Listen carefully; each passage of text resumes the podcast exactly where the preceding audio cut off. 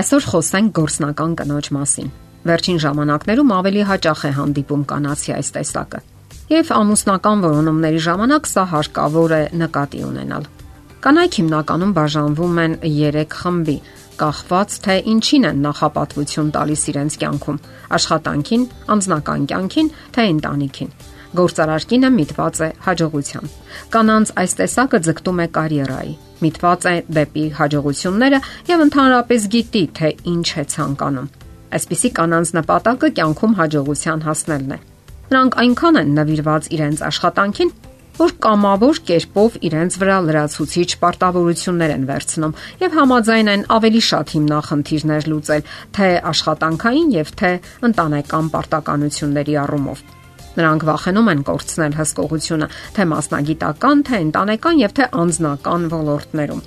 Այս դասակարգի ներկայացուցիչները այնքան են կլանված իրենց գործով, որ երբ այն կանգ է առնում, նրանց աշխարհը կարծես փլվում է խաղաթղթե տնակի նման գործարար կանայք սովորաբար իրենց վստահ են զգում։ Սակայն երբ բախվում են ժամանակային անբավարարության հիմնախնդրին եւ իրենց ծրագրերը սկսում են իդերև ելնել, նրանք անհանգստանում են եւ ընկնում վիճահարույց իրավիճակների մեջ։ Սակայն, չնայած այս բոլորին, երբ դժվարությունները մնում են հետևում, նրանց 85%-ը իրեն երջանիկ է զգում։ Հնարավոր է պատճառն այն է, որ նրանք բազմաթիվ ապարքևներ են ստանում ծառայողական սանդղակում առաջ շարժվելու արդյունքում։ Ի տարբերություն ավանդական տնային տնտեսուհիների, ում համար տունը դառնում է տիեզերքի կենտրոնը, գործարար կանայք այլ կերպ են վերաբերվում իրենց տանը։ Տունը նրանց համար սեփական բարեկեցության արտացոլումն է ինչպես նաև մի վայր, որտեղ կարելի է ապաստարան գտնել ծանրաբեռնված աշխատանքային օրից հետո։ Հաջողությանը միտված կինը անբավարարությունից բացի այլ բան չի զգում, եթե իր ժամանակի 50%-ը նվիրում է տնային եւ միայն 20-ից 30%-ը մասնագիտական գործունեությանը։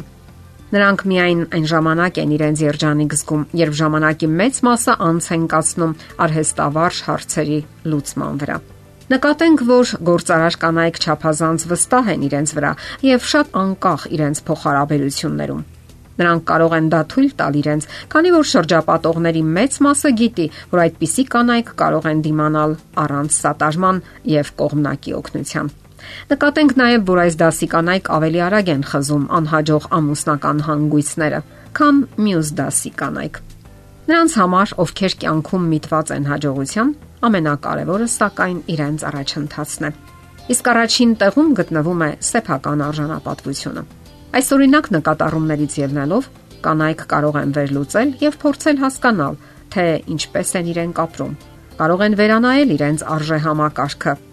այլ ոչ թե այն համակարգը, որն իրենց պարտադրում է հասարակությունը կարող են հարցնել իրենց ընկերներից, մերձավորներից, որpիսի օգնեն հասկանալու ներկա իրավիճակը, գնահատելու այն որակները, որոնք հնարավոր է իրենք չեն նկատել իրենց մեջ։ Գնահատելով տնային տնտեսությունը վարելու սեփական ոճը, կարելի է այսպիսի հարցեր տալ. ցանկանում եմ արդյոք փոխվել, կփոխեմ արդյոք ես ինչ որ բան։ Ասենք որ շատ բան կախված է հանգամանքներից։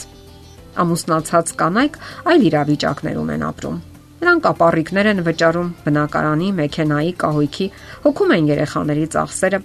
Աշխատանքը այս դեպքում դառնում է կարևոր, եթե ոչ անփոխարինելի, եւ հաճախ տուժում են ուրիշների շահերը։